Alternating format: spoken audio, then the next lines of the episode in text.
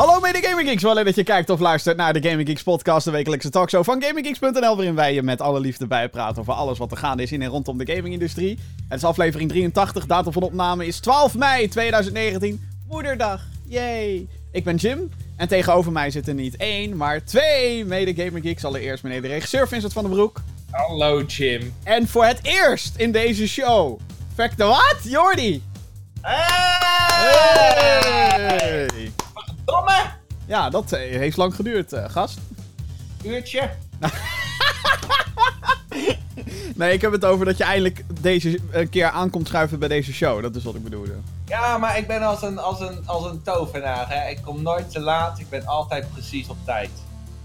Wijze woorden. Copyright, J.R.R. Tolkien, George R.R. Martin, Lord of the Rings. En, eh, George R. Martin, Lord of the Rings. Nee, ik heb het over dat Game of Thrones tegenwoordig alleen maar bullshit van Lord of the Rings pakt. Als heel Oh. erg obvious. Oh, dit is wat er gaat gebeuren, jongens. Want seizoen 8 is heel leuk! Geen spoilers, ik ben nog maar bij 6. Nou, nou dan... Die eh, seksscènes duren te lang, Jim. Het zijn er te veel. ja, en jij rewind die elke keer, omdat je het toch wel interessant vindt om naar te kijken. Laat op een loopje. Ja, precies.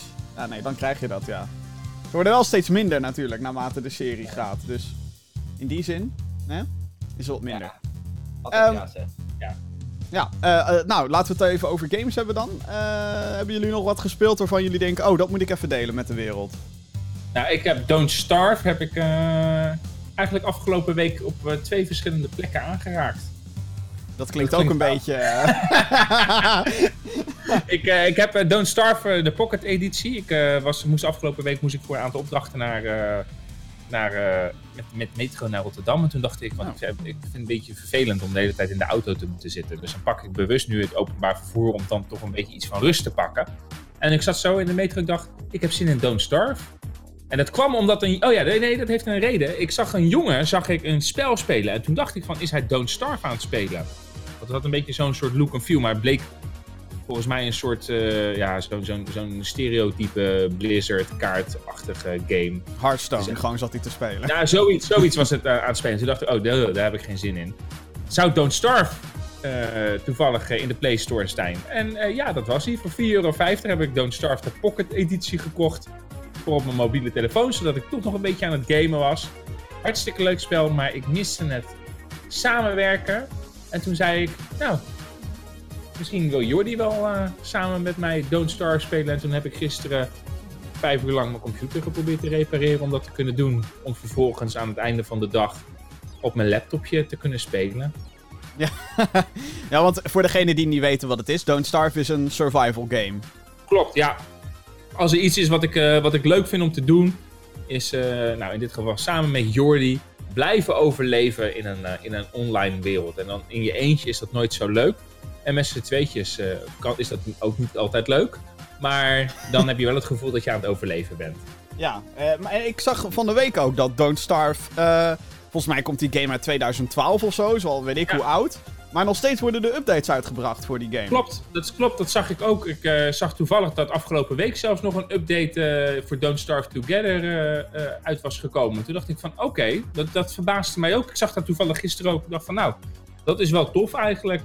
dus dat je dan toch wel, ja, dat, dat, dat je dan toch wel je, je, de gamers blijft eh pleasen. Eigenlijk over Want- al die jaren heen. Wat Dat is voor jou de aantrekkingskracht van Don't Starve specifiek? Want je hebt weet ik hoeveel survival games waarin je rondloopt, hout moet verzamelen. Jordi heeft daar ervaring mee met Atlas. Fantastische piratengame natuurlijk. Beste game ooit. 10 out of 10. Will buy again. Dat was sarcastisch trouwens voor degenen die dat eh niet door hadden. Maar eh, de- eh, je hebt daar talloze games van. Wat maakt Don't Starve dan leuk of leuker? Nou, wat, wat, wat, kijk, eh, wat, wat, wat, belangrijk is in zo'n spel, dat is, eh, en dat heb je ook met, nou, dat heb je eigenlijk met iedere game, is dat je de creative mode niet ontdekt.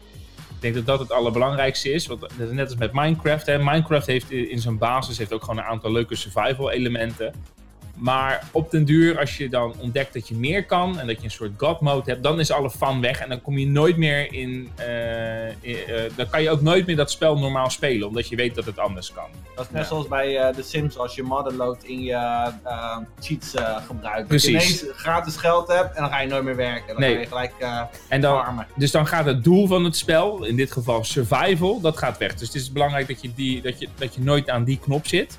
Ook niet om het maar even uit te testen. Ook niet om maar eventjes te kijken eh, van oh, hoe zou het ook anders konden. We hadden gisteren met Jordi een discussie over ja, misschien moeten we dan de winter uitstellen. Nee. Ja, misschien moeten we dan... eh, nee.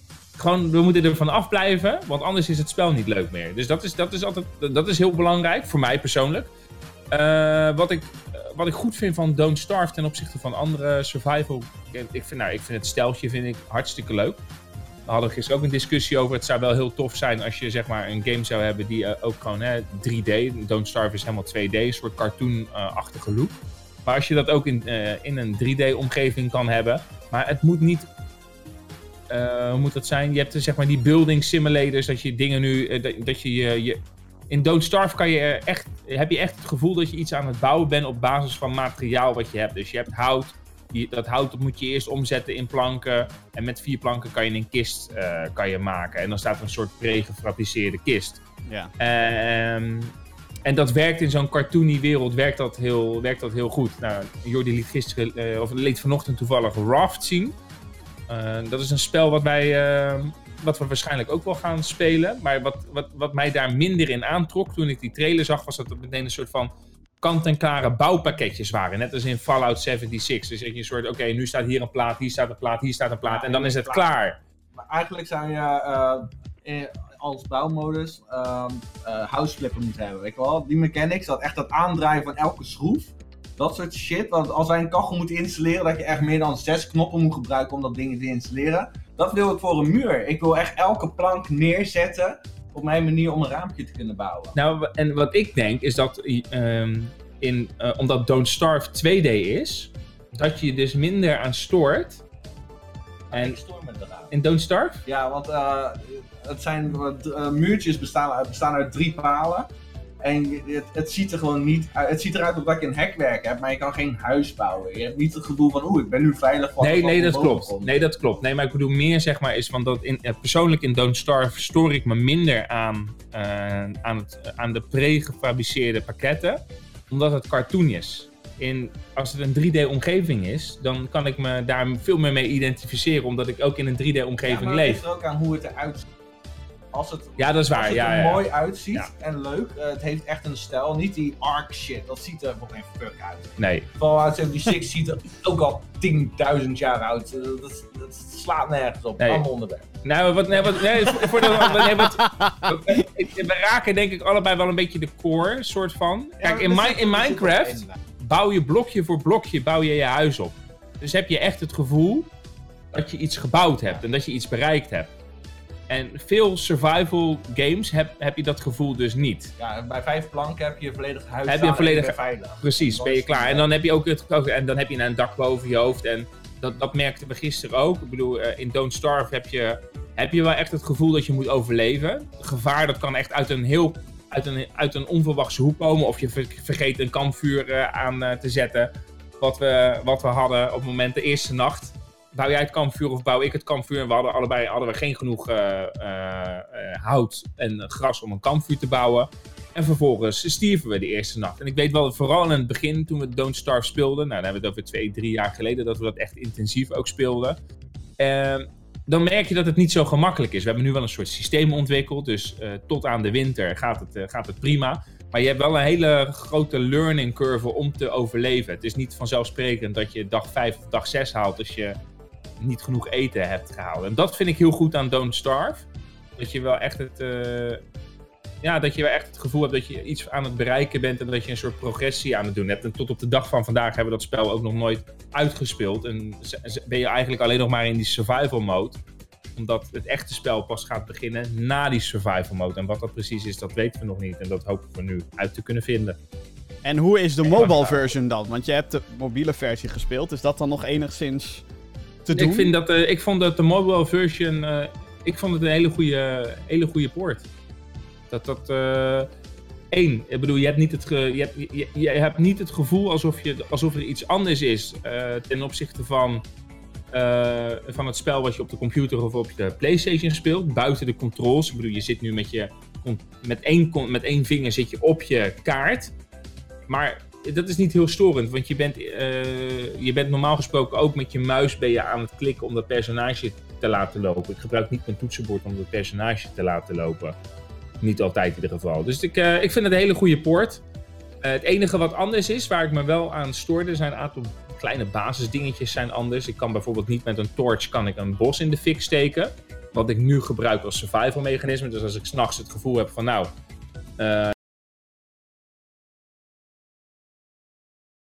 te raken, dan steek ik gewoon random boom in de fik, zodat ik ook de nacht doorkom. Dan verbrandt vervolgens wel een heel bos, maar heb ik wel licht. En als er licht is, ben je veilig. Dat, zo zit het spel een beetje in elkaar. Maar dat kan dus niet op de, mobile, uh, op de, op de mobiele variant. En dat, dat vond ik jammer. Dus dat dat soort kleine mechanismes uh, niet overkwamen. En wat een groot verschil is, is in Don't Starve, als je game op pauze zet, dan is het niet op pauze. En als ik nu klik omdat de interface van mijn mobiel klein is. En als je dan nu klikt op je interface omdat je iets wil pakken of je wil iets koken of je wil iets slepen. Dan vergroot hij dus eerst je interface. Dan gaat het spel op pauze. En dan ben je eigenlijk twee, twee keer extra aan het klikken. Terwijl je, op je, uh, terwijl je op je computer maar één klik nodig hebt om een actie uit te kunnen voeren. Ben je hier twee keer aan het klikken of drie keer aan het klikken. Vergroten, slepen. En dat doe je allemaal met je vingers. En dat is wel irritant. Ik hoop dat je een beetje snapt wat ik bedoel. Ik, uh, ja, het zijn eigenlijk gewoon dezelfde mobile quirks die je altijd al hebt. Met het feit dat je geen knoppen hebt en ja. alles. Ja. Dat, dat is altijd een beetje sowieso mijn grote tegenslag met mobile games. Er zijn zo weinig games die echt, echt lekker werken op een touchscreen. Waarbij je zelf ook nog eens op het scherm moet tikken. Want je, hè, je, je, je haalt je eigen view weg van het spel terwijl je aan het spelen bent. En dat vind ik altijd een probleem bij dat soort games. Ja, ja nou moet ik dus wel zeggen wat ik net zeg. Dat valt dus hier best wel mee. Dus het werkt wel. En het, het is 4,50 euro en ik vond dat echt geen geld. Oké, okay, nou ja. Dus, uh, heel veel mensen vinden dat dus fucking duur hè, voor een mobile game. Omdat alles is toch gratis op mobiel? Ja, maar, tot, maar nee, mee eens. Maar ik weet ook hoe het spel op de computer is. Dat is natuurlijk ja. mijn achtergrondkennis. En dat ik, als ik dan kijk, zeg maar, is dat er eigenlijk geen wezenlijk verschil is. Niet in ervaring en ook niet in beleving. Het is alleen, ik raad je alleen aan om het op een computer te spelen. Maar het is ook leuk om op je mobiel te spelen. Oh ja, ja, ja precies. Nou, mooi. Uh, ja. Dus uh, binnenkort, uh, of althans, jij gaat zo vaak mogelijk de trein nemen om dat te spelen en je computer repareren nou, voor Don't Starve. Nou, het is, nou ja, ook weer niet helemaal, want wat dan een gebrek is, is Don't Starve, dus Client Entertainment, die heeft twee games uitgebracht, Don't Starve en Don't Starve Together. En Don't Starve Together, dat is dat je dus in de co-op kan spelen, omdat die co-op functie er aanvankelijk niet in zat. Sterker nog, ik had de indruk dat het nog steeds early access was, maar het is wel een goede early access. Ja, uh, alles werkt. Nou, volgens ja. mij hebben ze nog een game uitgebracht. Die heet nou, uh, Oxygen Not Included, heet het volgens Klopt, mij. Dat zag ik ook voorbij komen gisteren. En dat vond ik ook wel leuk eruit zien, eigenlijk. Het is volgens mij dat je dan meer een soort van ondergrondse kolonie moet uh, beheren. Oké. Okay. En die, dan moet je ook zeg maar alles met elkaar rekening houden. Dus als, uh, ja, ik kan even geen concreet voorbeeld noemen, maar als een, een ding geen stroom heeft, dan kan je hele kolonie in elkaar storten. Zoals dat eigenlijk ook bij andere... Fallout, uh, Fallout Shelter. Ja, precies. Een beetje dat idee, denk ik. Ja. ja. Toch weer Fallout, hè? Toch weer uh, Fallout ja, 76 blijft erbij. leuk, maar daar gaan we het straks ook nog even over hebben, denk ik, of niet? Uh, is dat zo? Uh, over Bethesda? Oh ja, nou, Bethesda hebben we genoeg over te praten, denk ik. Maar, uh, nou ja, oké. Okay. Nou, tof. Don't Starve. Ik ben weer aan de slag gegaan met... Hoe kan het ook anders? Het is een soort van meme inmiddels geworden dat ik het hier alleen maar over kan hebben. Terwijl jij eigenlijk ja. de aanstichter bent hiervan. Life is Strange, dames en heren. De nieuwe episode is uit van Life is Strange 2. Het is een... een, een, een la laat ik dit vooropstellen. mocht je onder een, een rots geleefd hebben... Of je mocht deze... je mocht mij nog nooit hierover gehoord hebben... Of Vincent hierover gehoord hebben... Speel Life is Strange. Ik kan het niet hard genoeg zeggen. Speel Life is Strange. Verwacht geen fucking lauwe gameplay. Verwacht geen super uber graphics. Maar verwacht een van de mooiste games mooi die verhaal. je gaat spelen. Ja, super mooi verhaal. Um, Life is Strange 2 is nog steeds gaande. Het tweede seizoen. Het is een game die in episodes wordt uitgebracht. Dus dan, uh, hè, dan onder een paar maanden komt er dan een, een, een nieuwe episode uit. En eh, deze week is episode 3 eindelijk uitgekomen van, de, ehm, van deel 2. Het is een beetje verwarrend allemaal, want je hebt ook nog een prequel en die, die, die nou goed, whatever. Ehm, ja, ik, ik, zal niet, eh, ik zal sowieso niet in de spoiler territory gaan, want ik weet dat Vincent heeft het nog helemaal niet aangeraakt dit seizoen. Nee, Eh, als ik iets heb geleerd, dan is dat wachten totdat alles uitkomt. Ja, dat is, wel- ik heb daar nu ook last van. Want deze episode. De, de eerste kwam uit in oktober, september vorig jaar of zo. De tweede kwam in januari. En nu pas is, is de nieuwe episode. Of deel 3 is er. En in augustus Ja, je- komt episode 4. En in december pas komt episode Ja. 5. Ja, dat is wel echt lang. Ja, dat Want ik echt- had de indruk, en toen ik Life is Strange voor het eerst speelde, toen was dat volgens mij maart 2015 was dat denk ik. Ja, Had ik, volgens mij september 2015 had ik alles uitgespeeld. Ik had ook de indruk dat, dat, dat het ook korter was, dat dat binnen het jaar was. En dat dat ja niet dat ook- was volgens mij om de twee maanden was, dat, eh, Ja. was er een nieuwe episode. En hier nemen ze echt wel hun tijd eh, ermee. En nou, of dat goed is of niet. Nou, eh, mijn, mijn indrukken van Life is Strange eh, 2 tot episode 3, dus voor deze week, was van ja, het is wel leuk. Het is wel, eh, hè, eh, het is wel weer Life is Strange. Maar ehm, het is wat minder. Je kan je er minder eh, mee identificeren. Life Ja? is Strange 1, dat vond zich plaats op een campus met best wel typische tienerproblemen. En Life is Strange 2 gaat over twee broers die op de vlucht zijn omdat hun vader wordt neergeschoten door een politieagent. Ehm, en een van hun heeft, net zoals Max uit de eerste game, zeg maar een soort van mysterieuze power die ze kunnen gebruiken. Dus ehm, het is een conflict wat echt nooit kan gebeuren. En tuurlijk, in deel 1 kon iemand de tijd terugzetten. En, maar dat is veel meer. Dat spreekt volgens mij veel meer tot de verbeelding van wat nou als ik dit overnieuw kon doen, dit gesprek. Wat Ja. dan? Dat is natuurlijk een beetje. ehm, wat dan cool is aan de eerste Life is Strange. En dat is hier veel minder. Nou moet ik zeggen dat. ehm, Ik heb al een beetje een gevoel wat zijn power zou kunnen zijn. ja, nou, ik ben benieuwd wat, wat jij denkt dat de power Ja. is. Ik denk, eh, eh, no, het is geen spoiler, want ik weet het dus niet. Oh, ik, denk, oké. ik denk dat het gedachtenlezen is. Oké, ja. de, nee, reden waarom. En de reden waarom, en misschien wel of niet, maar is dat je. eh, Life is Strange gaat natuurlijk over, het in, eh, over invloed uitoefenen over de conversatie. Ja. En waarbij Ja. Before the Storm backtalking was. eh, dat ze zich eruit kon lullen om een gesprek anders te laten plaatsvinden. Waarbij Maxine terug in de tijd was om een conversatie. Zou dit natuurlijk heel goed kunnen zijn dat die op basis van wat iemand denkt.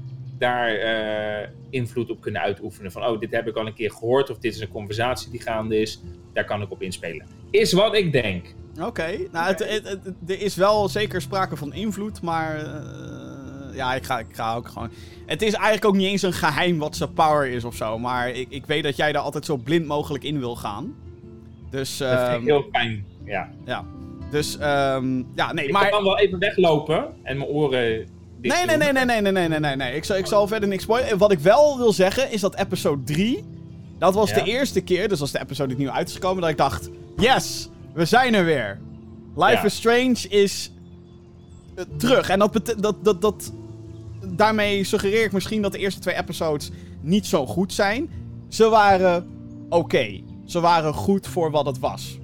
En het is sowieso heel anders, want geen van de personages uit deel 1 komen terug. Echt helemaal niemand. Het heeft een paar referenties naar de eerste, maar daar blijft het dan ook wel bij. En dat is volgens mij ook alleen in de eerste episode. Dus het is, Ja. het, het, het is heel erg op zichzelf. En ehm, ja, dit was eindelijk voor het eerst dat ik dacht... Yes, we zijn weer gewoon naar de kern gegaan van Life is Strange. En waarom dat werkt en waarom dat zo goed is. Ja. Eh, de, de awkwardness, de, de, de issues die mensen, iedereen kan herkennen of heeft gehad, die, die zitten er weer allemaal weer in. Het grote nadeel, en dat is eigenlijk door het plot, ze zijn continu op de vlucht. En ja, ja. wat ik nu merk is dat ze Ja. in elke episode hebben ze dan personages. En dan denk je, oké, cool, dit personage is tof. En eh, hè, daar, daar, daar willen deze personages een band mee opbouwen, bla bla bla bla. Maar omdat ze continu op de vlucht zijn, ja.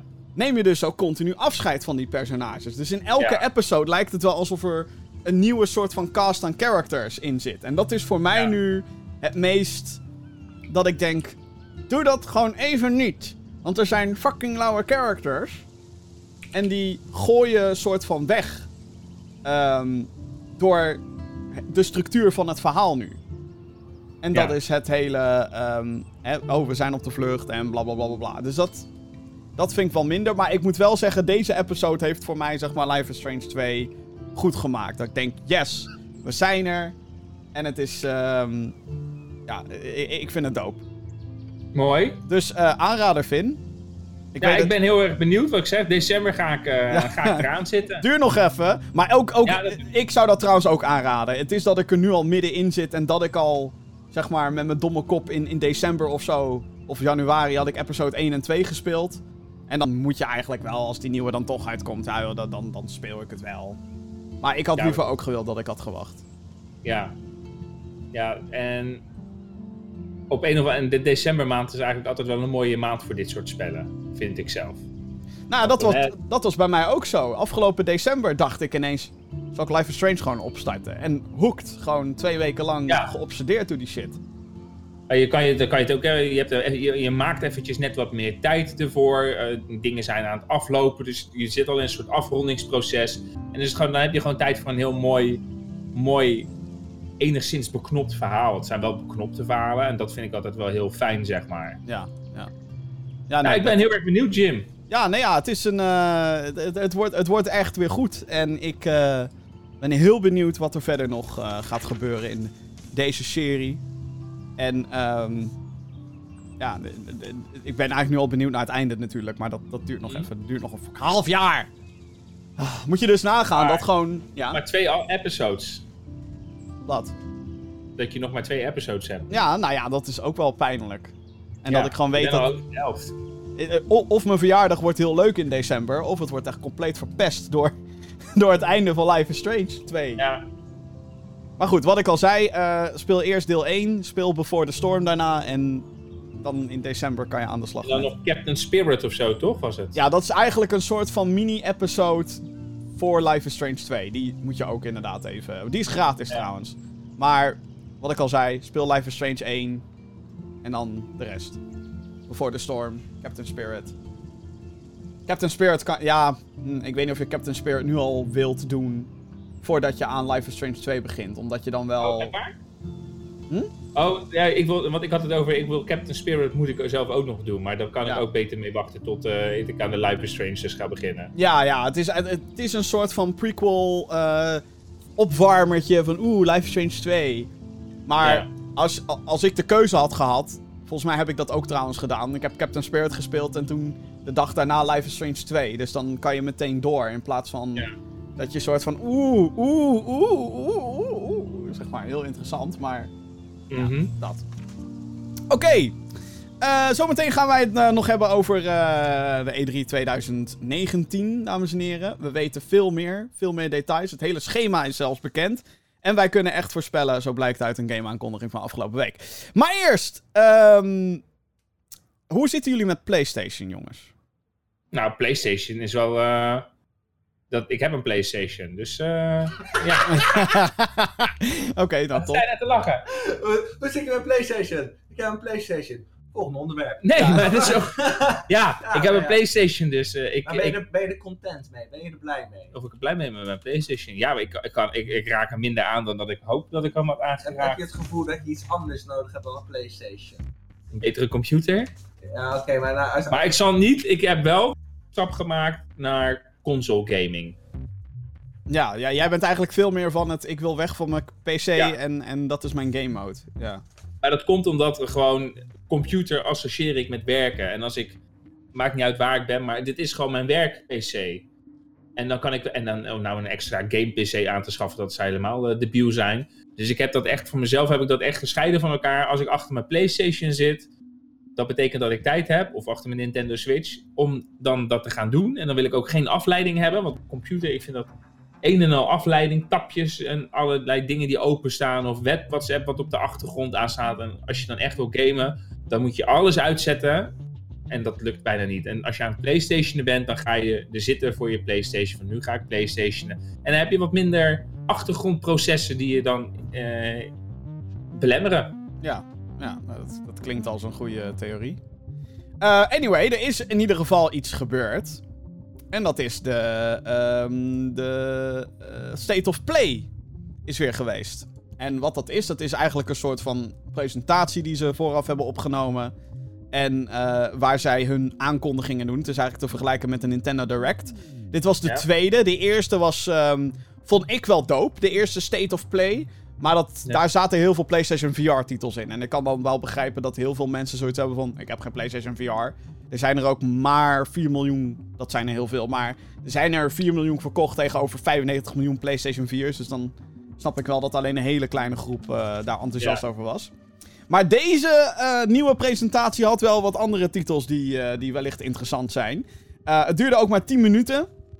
eh, deze, deze, deze presentatie, maar... Ja, dan weet je dat het nooit interessant kan zijn. Nou ja, ik, ik vond al dat er wat cools tussen zat. Of althans in ieder geval iets waar we over kunnen praten. Eh, ik ga er even langs. Eh, eh, allereerst is er een uitbreiding aangekondigd voor de actie-RPG Monster Hunter World. De DLC, die heet eh, Iceborne, met een E erachter. En komt op 9 september uit. Zoals de titel al doet vermoeden, vindt het zich plaats in een winters gebied. Met nieuwe monsters die dan bij dat thema horen. Ik heb zelf niks met Monster Hunter. Uh, maar ik hoor wel heel veel positieve verhalen over Monster Hunter World. Toen ik die trailer trouwens zag, dacht ik de hele tijd dat uh, dat beest van The Last Guardian zou uh, oppoppen. Wat ik trouwens wel een heel cool monster zou vinden om daarin te zien. Maar daar bleef het dan ook wel bij. Ja, ik snap wat je bedoelt. Ja, ik hoor ook uh, positieve verhalen daarover, maar mij trekt het niet. Nee, maar ook niet. Maar Monster Hunter heeft me eigenlijk nooit getrokken. En dit is dan wel de ene die het meest...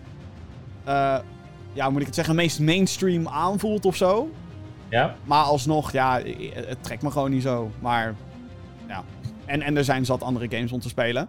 Zoals ja. de Medieval remake. Die kreeg een nieuwe trailer.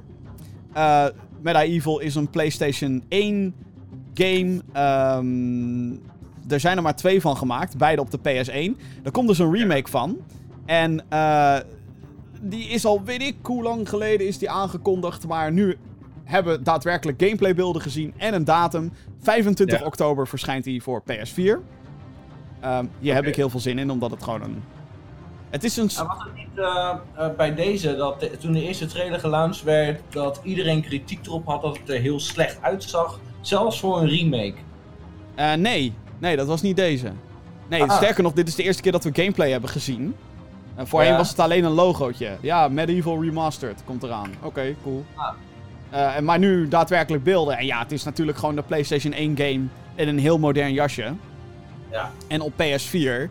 Um, en ook niet met het grootste budget of zo. Maar het ziet er gewoon uh, uit als een leuke, vermakelijke game. Het enige waar ik me wel zorgen om maak is dat de framerate heel erg hakkelig was in de, in de, in de trailer. Oké. Okay. Dat ik dacht, hmm, het ziet er niet echt uh, uit alsof het goed draait. Maar ik hoop dat dat nog dat dat nog dat, uh, uh, dat, opgelost wordt. Het aan de trailer lag. Ja. Dan een... Ja, ja? Ja, ik heb er zelf niet echt iets mee. Medieval heb ik ook nooit gespeeld hiervoor. Nou ja, ik heb ze allebei voor PlayStation 1 liggen. Nooit gespeeld. Ja. Maar het is, het is zo'n game die een beetje een soort van gekke mascotte tijdens het PS1-tijdperk. Dat oh klopt, dat weet ik wel. Ik weet wel dat dat poppetje, dat skeletje, dat het overal uh, tevoorschijn kwam. Ja, daarom is het eigenlijk heel gek dat we hiervoor maar drie games in de serie hebben gehad. En dat is 1 ja. en 2. En op de PSP kwam er toen ook al een remake van de eerste. Dus, en ik vind het trouwens ook heel gek dat ze niet gewoon 1 en 2 remaken of remaster of whatever. Ik bedoel, bij, bij ja. Crash Bandicoot heb je er drie. Bij Spyro heb je de, de trilogy, zeg maar. En dan hier heb je er dan maar één. En dan denk ik, waarom doe je gewoon niet allebei? Ik vind dat heel ja. erg... Uh, ja, ik, ik vind dat hatelijk, ik weet het niet. Uh, verder was er ook nog een, uh, een, een voxel RPG. Je weet al, hele dikke blokken. Minecraft-stilo eigenlijk. Um, uh, Riverband heet hij. Het lijkt op een standaard hack-and-slash festijn vanuit een isometrisch perspectief. Dus van bovenaf. Uh, de unique selling point lijkt te komen vanuit zijn personages. Want er zijn allerlei characters van indie-hits die speelbaar zijn. Ja. Uh, zoals Shovel Knight en The Kid uit Bastion. Zeg maar het personage waar je mee speelt. Ja. en Juan uit Guacamelee. Um, ga, jij, ga, ga je het dan daardoor denk je eerder spelen? Nou ja, het, het ziet er voor mij uit als gewoon je zoveelste character. Ja. Of ja, zoveelste character, ja, zoveelste hack-and-slash dingetje. En die voxel-stijl, ik heb er gewoon niet zoveel mee. En dat komt misschien door mijn haat. Nou, ja, haat is een groot woord. Maar gewoon, ik kan niet langer dan een uur kijken naar Minecraft. En dan, dan, dan word ik al helemaal gek. Nou, dat is toch eh, een uur. Dat is toch, hè, dat is langer dan, eh, dat, is de, eh, dat is de gemiddelde Game of Thrones aflevering. Ja. Maar dan, dan hoef ik het ook gewoon echt voorlopig niet meer te zien. En als ik dan zeg maar andere games zie die dat ja, wel heel erg eh, overnemen, dan. dan ja, ik, Ja, ik snap wat je bedoelt. nee, ik, ik kreeg- Voor mijn gevoel is het ook hoor, het is nu wel klaar. ja, het is gewoon. Ah, ja, jij, Jordi die is ook wel heel enthousiast. Hightail heet het hè? Ja, ziet er eh, beter uit dan Minecraft, eh, maar het is wel een soort van direct clone. Ehm, maar meer op het sociale gebied. Dus nu heb je al die servers online waar je allemaal van die beetje eh, net niet gamepjes hebt, dat je over blokken moet rennen en dan vallen er een paar blokken onder je vandaan en dan wie het laatst overblijft. Nou, Hytale is eigenlijk ook van de makers van zo'n grote server. Die dachten van, ah, Minecraft haalt net niet al zijn potentie eruit, wij gaan dat verbeteren. En dat met eh, meer diepere gameplay. Het ziet er een stuk beter uit. Het is of dat er al een, eh, flink aantal mods eh, overheen zijn gegaan die je normaal nodig hebt bij de normale Minecraft versie. Dus je hebt al Gold Rage en dat soort meuk. Maar nee, ik, van wat ze hadden laten zien, dat ook de, de characters, die, de monsters die je ziet rondlopen, ook echt eh, invloed hebben op de wereld. Eh, ze, ze hebben dan allemaal een patroon. Eh, als het gaat regenen, dan zoeken ze eh, onderdak, dan worden ze wakker. Eh, als ze het koud hebben, gaan ze allemaal bij het vuur zitten. Dat zijn allemaal dingen die ze in Minecraft weer niet hebben. Dus ik- ja, ik kijk er met grote ogen naar uit. Hoe begon toch ook als een community Ik vind het echt heel leuk eruit zien.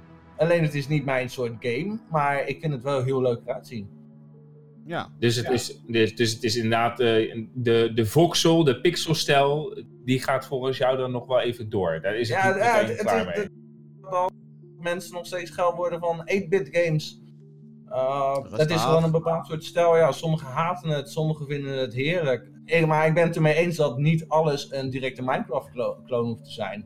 Uh, het is wel een bepaald soort stijl. Maar dat heb je hetzelfde als uh, uh, volgens mij, en dat weet ik niet helemaal zeker, was uh, World of Warcraft. Die begon als eerste een beetje met dat uh, geverfde, uh, cartoony look, weet je wel. Dat, dat, ja. Shell shaded bedoel je? Nee, nee, nee. Of dat het echt allemaal... Een beetje een mengeling tussen realistisch en cartoony gewoon. Een ja, beetje, weet je, nou, die, die, die balans daartussen. Ook. Die, die is uh, vanaf uh, deel 3 zijn ze daar met dat uh, 3D direct mee gekapt. En zijn ze ook naar een soort van alles is mooi getekend. En uh, als je goed naar de bloempjes kijkt. Uh, ik kom steeds meer games tegen die dat nu ook hebben. Uh, ik denk dat dat ook weer gewoon een stijl is. Hetzelfde met dat voxel. Alleen voxel is veel meer in je gezicht, omdat het allemaal zo uh, recht en uh, ja, hoekerig is. Ik snap wel wat je bedoelt. En het is natuurlijk ook dit, hè, Jim. Ik bedoel, het is ook een beetje een stukje generatieverschil. Wij, wij, wij, wij weten natuurlijk, en heel veel anderen weten ook dat het Minecraft is. Maar we gaan natuurlijk straks generaties krijgen die gewoon opgroeien met van, oh, er zijn blokken games blokken, blokken spelletjes games. Uh, en die zullen dat helemaal niet herleiden. Oh, maar dat is Minecraft. Maar als ik kijk inderdaad naar Riverband, dan denk ik van, oh, die textures, dat voelt wel echt ook weer als Minecraft aan. Ook al is het wel even net iets minder houterig als Minecraft. Zo oogt het wel. Het oogt wel een stuk vloeiender en flexibeler. Uh, maar ja, dat heb je natuurlijk ook met die, met die MOBA's en zo. Ik bedoel, uh, ja. ik, ik had nog nooit van een MOBA gehoord. Dus was voor mij allemaal, was dat ook van, oh nou leuk hè, het is allemaal nieuw, allemaal allemaal dezelfde soort type games. Maar niet dat het allemaal weer terug te leiden was naar Warcraft, of wat zei je nou? Ja, Warcraft, daar komt dat ja. vandaan, ja. Ja, ja daar, ben ik natuurlijk, daar ben ik zelf niet mee opgegroeid. Want ik was toen amper met videogames bezig op dat moment. Dus ik denk dat dat ook wel... Dat dat op zich ook wel interessant is. Hoe dat dan zich nu aan het uitspreiden is. En hoe dat zich aan het uitsmeren is. En dat dat, dat, dat over een periode... Hè, dat, dat iedereen dan zo zegt... Oh, nee, dat zijn wel dezelfde soort type games. Maar dat het een hele genre is uh, geworden. Ja, is het al. En, uh, ik zou echt eerder um, uh, uh, Voxel of zo kiezen dan hoe Ark en uh, Atlas eruit zien. ja, ik ook. is ja, gewoon zo ja, fucking ja, lelijk. Kies dan voor een echte stijl. Ja. Dat, ja. Okay. Een andere aankondiging. Deze was wat, uh, iets wat raar en onverwachts. Uh, in 2020, volgend jaar, komt er een asymmetrische multiplayer shooter in de vorm van Predator Hunting Grounds. Ehm, ja, dat is gebaseerd op die film. Waarin, eh, en dat, zo zal de game waarschijnlijk ook gaan, zijn dat een aantal spelers spelen als soldaten in de jungle die op jacht moeten gaan naar de Predator. En een andere speler speelt dan als dat alien-based ding. Is gewoon Evolve. Ja, ik wou echt net zeggen, dat klinkt als iets wat heel hard gefaald heeft. Uh, de game wordt gemaakt door Ilphonic, die hiervoor werkte aan de Friday the 13th game. Die ook eigenlijk zo werkte met survivals. En eentje was dan Jason Voorhees en die moest dan de rest op gaan jagen. Voor mij is dan ook wel meteen al mijn hoop voor een kwaliteitsgame is weg. Want ik vond Friday the 13th echt een kutzooi. Het idee was fucking vet. En je kan zeg maar merken dat die gasten echt wisten waar ze mee te maken hadden. Met Ja. referenties naar letterlijk alle films. Eh, en, en ook Jason variaties van al die films. Ja. Met uitzondering van misschien één of twee. Maar ja, dan, dan, dan zie ik nu dit. En dan denk ik... Het was gewoon buggy as fuck ook. Het, het werk, de helft van de systemen werkte niet. En dan gaan ze nu Alleen- een Predator game maken. En dan denk ik, ja, doe je. Ja, maar ja, weet je, bedoel, eh, eh, misschien pompt PlayStation er genoeg in, want het is nu wel een PS exclusive volgens mij, hè? Ja, ik heb hem nog niet op een andere site gezien. eh, als, Nee, eh, dus eh, misschien mogen we daar dan wel wat hoop eh, in doen. Er was in ieder geval budget voor een trailer, als ik dat zo zie. Ja, ja, dat wel. Ja. Eh, in oh ja, nee, dat hebben we gehad. Daarnaast werd... Dit, dit, dit vind jij misschien wel wat, Vincent. Daarna werd Away, de Survival Series, aangekondigd. Een game waarin je als een, een klein beestje speelt. Die lijkt op een kruising tussen een aap en een eekhoorn. Ik kon het Oké. zelf niet echt omschrijven. Ehm, maar het is zeg maar zo'n heel klein, ja, aapachtig beestje... die dan wel, zeg maar... zijn soort van vleugels kan spreiden zodat het kan zweven, weet je wel? Ja, Dat. dat. ja Ehm, zo'n soort, eh, ik snap wat je bedoelt, ja. Ja, zo- zo'n beestje dus. Ehm, Bijna een soort vliegend eekhoorntje. Ja, een soort vliegend eekhoorntje, maar dan wel met een dikke staart en zo. Als in een Ja. lange staart. Nou goed. Ehm, Zoals Spider-Man ook vliegt, zeg maar. Ja, in, in, die, in die nieuwe films, ja. Een beetje dat, ja. Eh, de nadruk eh, die ligt een beetje op schaal, want je bent een heel klein beestje. Nou, je ziet heel veel grote eh, ruïnes ook, wat ik heel interessant vind. Eh, en ook moet je natuurrampen zien te overleven. Dus het, het ziet er wel echt uit als een eh, apart spel. Ik krijg een beetje een Ravel-vibeje. Ja. Ja, ik krijg een beetje een vibe van eh, Ancestors. Een, eh, een game die, eh, waarin je als een aap, een daadwerkelijke aap speelt. Die door allerlei evolutiejaren gaat. Ja, Ehm, dus het lijkt een beetje een soort van populair om de natuur in te gaan in dit soort games. ja nou, ik, wat mij aan Unravel doet, is dat natuurlijk allemaal op, eh, doet denken, is dat het op schaal lijkt. Ik merk ook dat de, de, de graphics ook een beetje iets weg hebben van, eh, van Unravel. Of hebben we een spinnetje, of dan hebben we een krabbetje, of dan hebben we een vis, of de, die natuurelementen inderdaad. Alleen ja, was Unravel natuurlijk een sidescroller. Dus, dat, eh, dus de, type gameplay kan je het dan weer niet mee vergelijken, maar wel dat op schaalniveau. Ja. Ziet er wel leuk uit, alleen ik vind de, de graphics vind ik misschien een beetje En tegenvallen. de animatie is echt... De animaties slecht. zijn ook slecht, ja. Oké. Ja, ja, het voelt een beetje houterig. Een beetje, ja, een beetje houterig eh, voelt het aan. En nou ja, er zit een hele sterke depth of field in. Dus wat, eh, wat dat inhoudt is dat je, zeg maar, hè, de blur, dus alles wat, eh, wat, wat, wat, een- wat een, paar eh, eh, centimeter weg is, dat is al vaag en dat is al geblurred. Ja, dat, eh, zo is dat natuurlijk niet echt in de natuur. Dus die focus die ligt heel dicht bij je personage, waardoor je niet het gevoel hebt alsof je echt in de verte eh, kan kijken. Maar ja, dat is een steltje. Ja. En dan het grote nieuws van deze State of Play. We zijn nog steeds, we zijn nog steeds aan het lullen over die 13 minuten durende presentatie. Maar de laatste trailer was eh, de, de, hè, de grote klapper. Final Fantasy VII Remake. Jawel, de game is nog in ontwikkeling. De game bestaat nog. Ehm, Ja. De game is al een tijdje vermist ook. Volgens mij hebben we er al letterlijk drie of vier jaar niets meer van gehoord of gezien. Dat was het laatste wat wij gehoord hadden. Dat was volgens mij eh, twee jaar geleden. En toen was het nog het gerucht dat het eh, als episodic content eh, uitgebracht zou worden. Ja, dat, dat, dat was sowieso het plan. Oké, maar ik, is daar nog iets over vermeld? Nee, daar is nog niks over vermeld. De trailer liet wel nieuwe beelden zien. maar wel van settings en personages die we kennen uit eerdere beelden. Dus de, is vooral het eerste deel Ja. van het spel waarin je in een stad bent genaamd Midgar. En waarin alles naar de kloten gaat. En eh Sephiroth is heel kort. Sephiroth! Heel duidelijk eh, erin te zien. Eh, in juni wordt er meer bekendgemaakt. Dan dus vermoedelijk tijdens de E3. En Ja. dan krijgen we toch hopelijk een keertje iets concreets te horen over het spel. Want we zien heel snel even gameplay, wat er heel actievol uitziet. Is bijna niet meer te vergelijken met het origineel. Die in 97 uitkwam overigens. Nee, en ik, ik, ik vind het er echt niet uitzien. De gameplay. Oké. nou, ik vind het echt heel lelijk. Ja, wa- wat vind je, er le- wat vind je er lelijk? Is het de actie die, die plaatsvindt of de... Ja, ik weet het niet. Het is, het- laat ik zo zeggen, het is niet het, het, is niet het spel. Het is niet, eh, waarvan ik had gehoopt dat het zo eruit zou zien. Met die, en, eh, ik bedoel, aanvankelijk. Ik heb Final Fantasy 7 nooit gespeeld, hè, dus ik heb niet die, eh, die nostalgische, Ik ook nostalgische gevoelens eh, of iets dergelijks. Ik, weet, ik heb wel Final Fantasy games gespeeld. Eh, en dat turn-based, dat zit hier, dat, dat is helemaal uitgehaald volgens mij. Ja, dat, dat, dat weten we dus niet. Het ziet er veel te vloeiend uit voor een... eh, voor een Het ziet er niet uit alsof het echt een turn. je hebt aan, de andere, aan de andere kant heb je natuurlijk wel aan je rechterkant heb je dan wel je levens. Maar ik heb de indruk dat het. het ziet er niet echt turn-based uit. Al die lettertjes die door je hele beeld heen gaan, dat vind ik echt één grote rommel.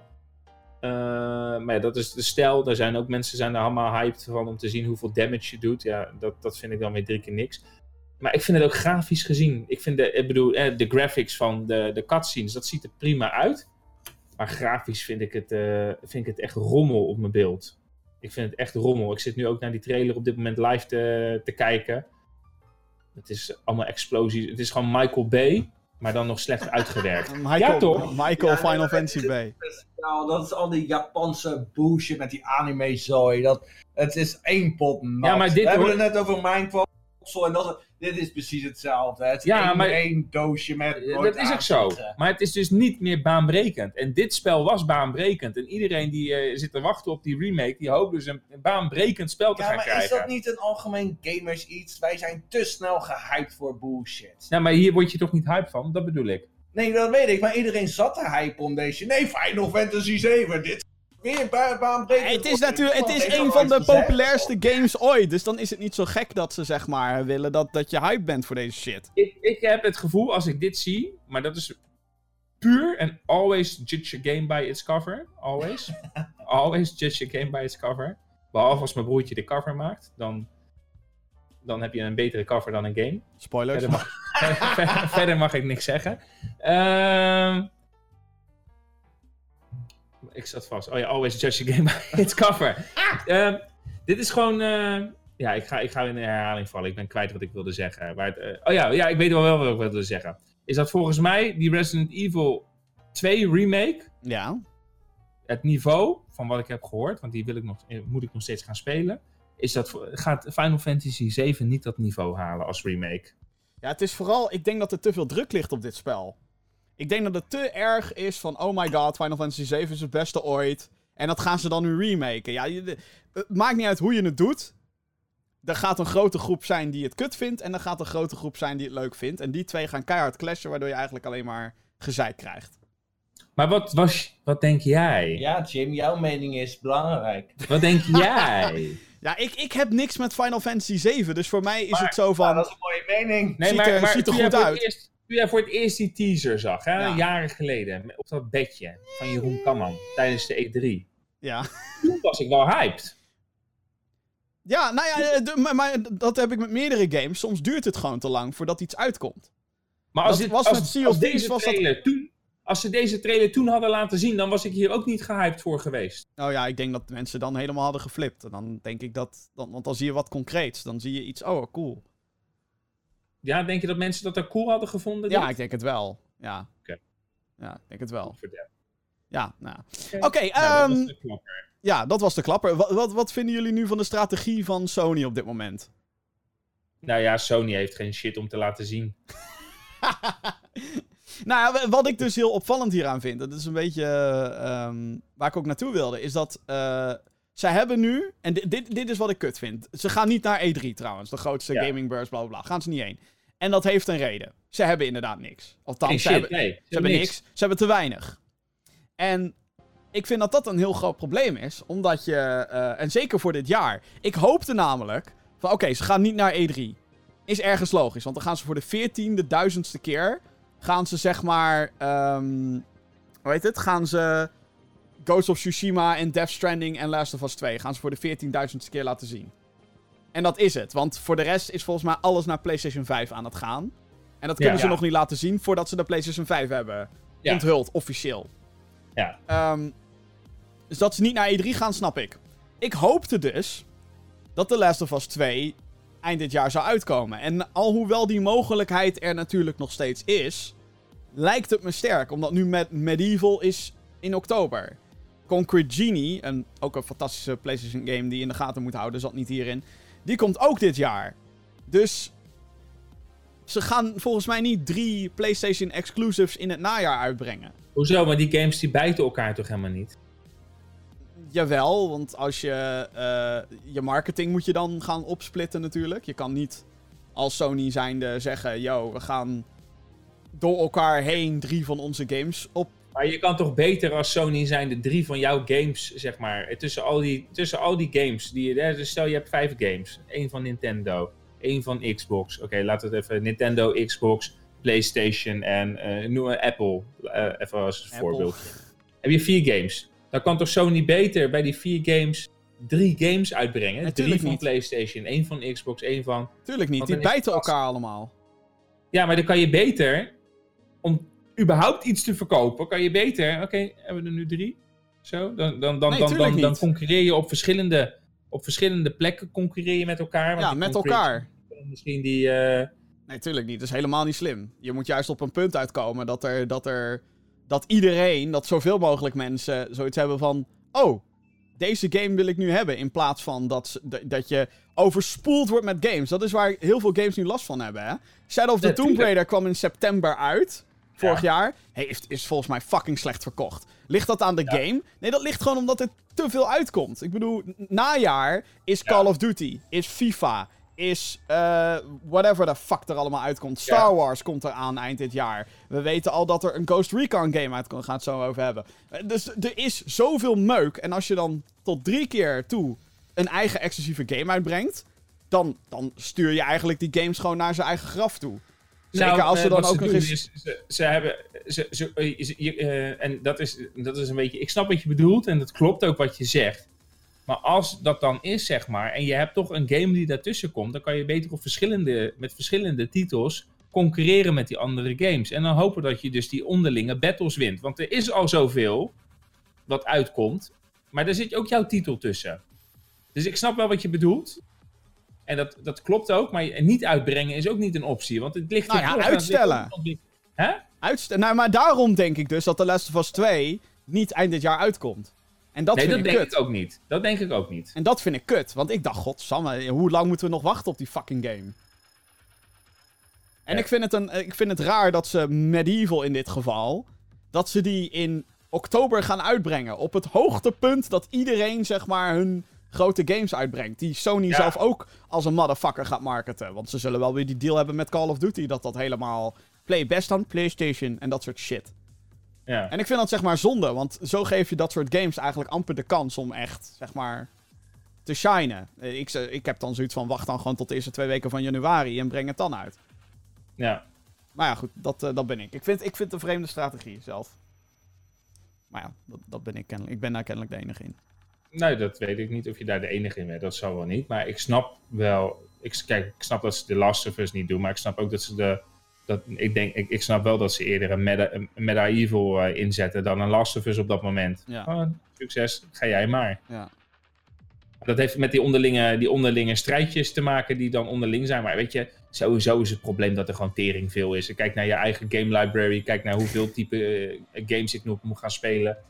Tien jaar geleden zaten we met z'n allen op een E3'tje zaten we te hypen. Nu zijn er al een shitload aan indie games die daar dan al tussen zitten. En het is allemaal hetzelfde. Allemaal lijkt het op elkaar. En Nou, rustig. Allemaal lijkt het op elkaar. het lijkt echt heel veel op elkaar. Als ik, een key, eh, als ik zo'n keymailer eh, bestand openmaak, is Ja, maar dan, maar dan zit je ook zeg maar in, in de... Je zit ook in een shithoek dan. Maar, er- maar er is zeg maar heel veel... Er is, Nee, je hebt helemaal ja toch? Er is zoveel shit ook wat Ja, nee, zeker. Dankjewel Steam. Shit.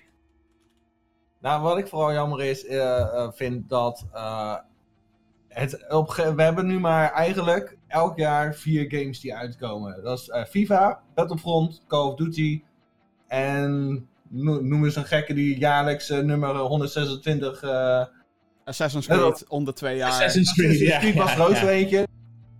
Jee, het nummertje is weer veranderd. Star Wars Battlefront speel ik nou al een lange tijd.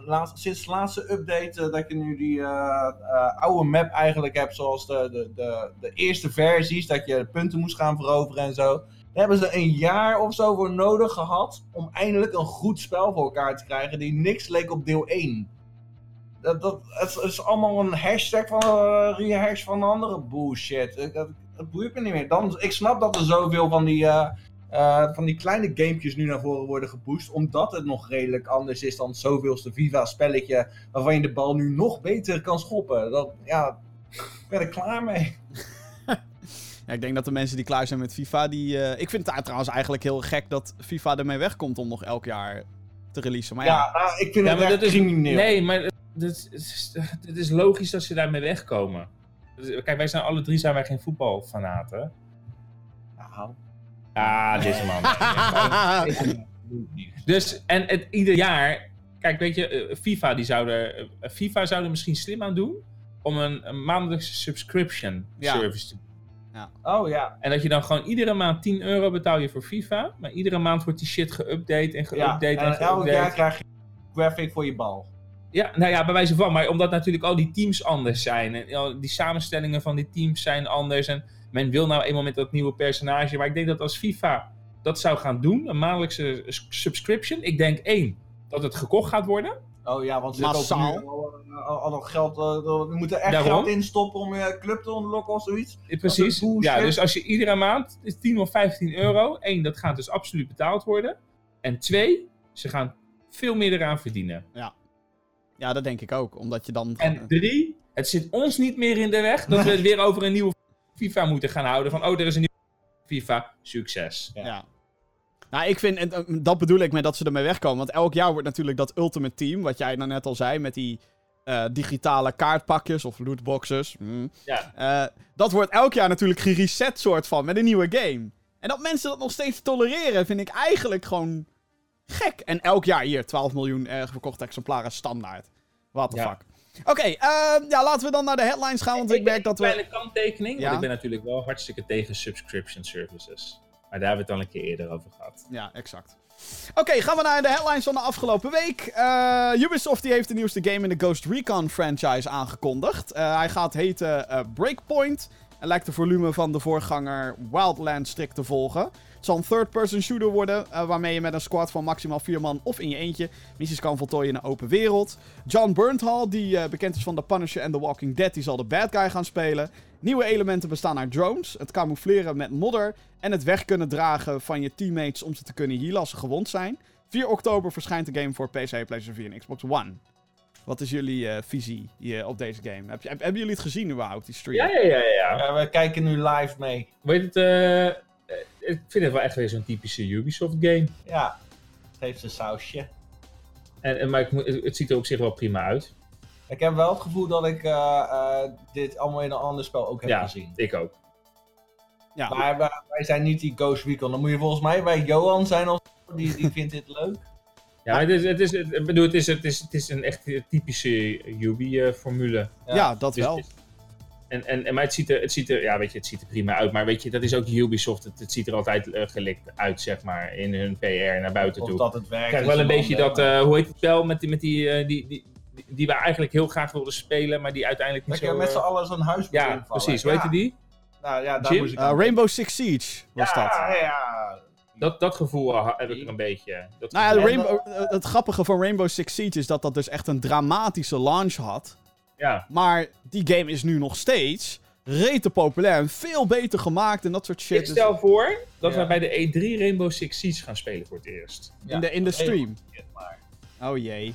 Dan worden Nee, we het, zo lijkt, kaart. het lijkt me wel leuk om dat gewoon een keer te spelen. Want dat is wel zo'n spelletje dat ik dacht van ja, dat heb ik toen wel, dat heb ik toen wel willen spelen.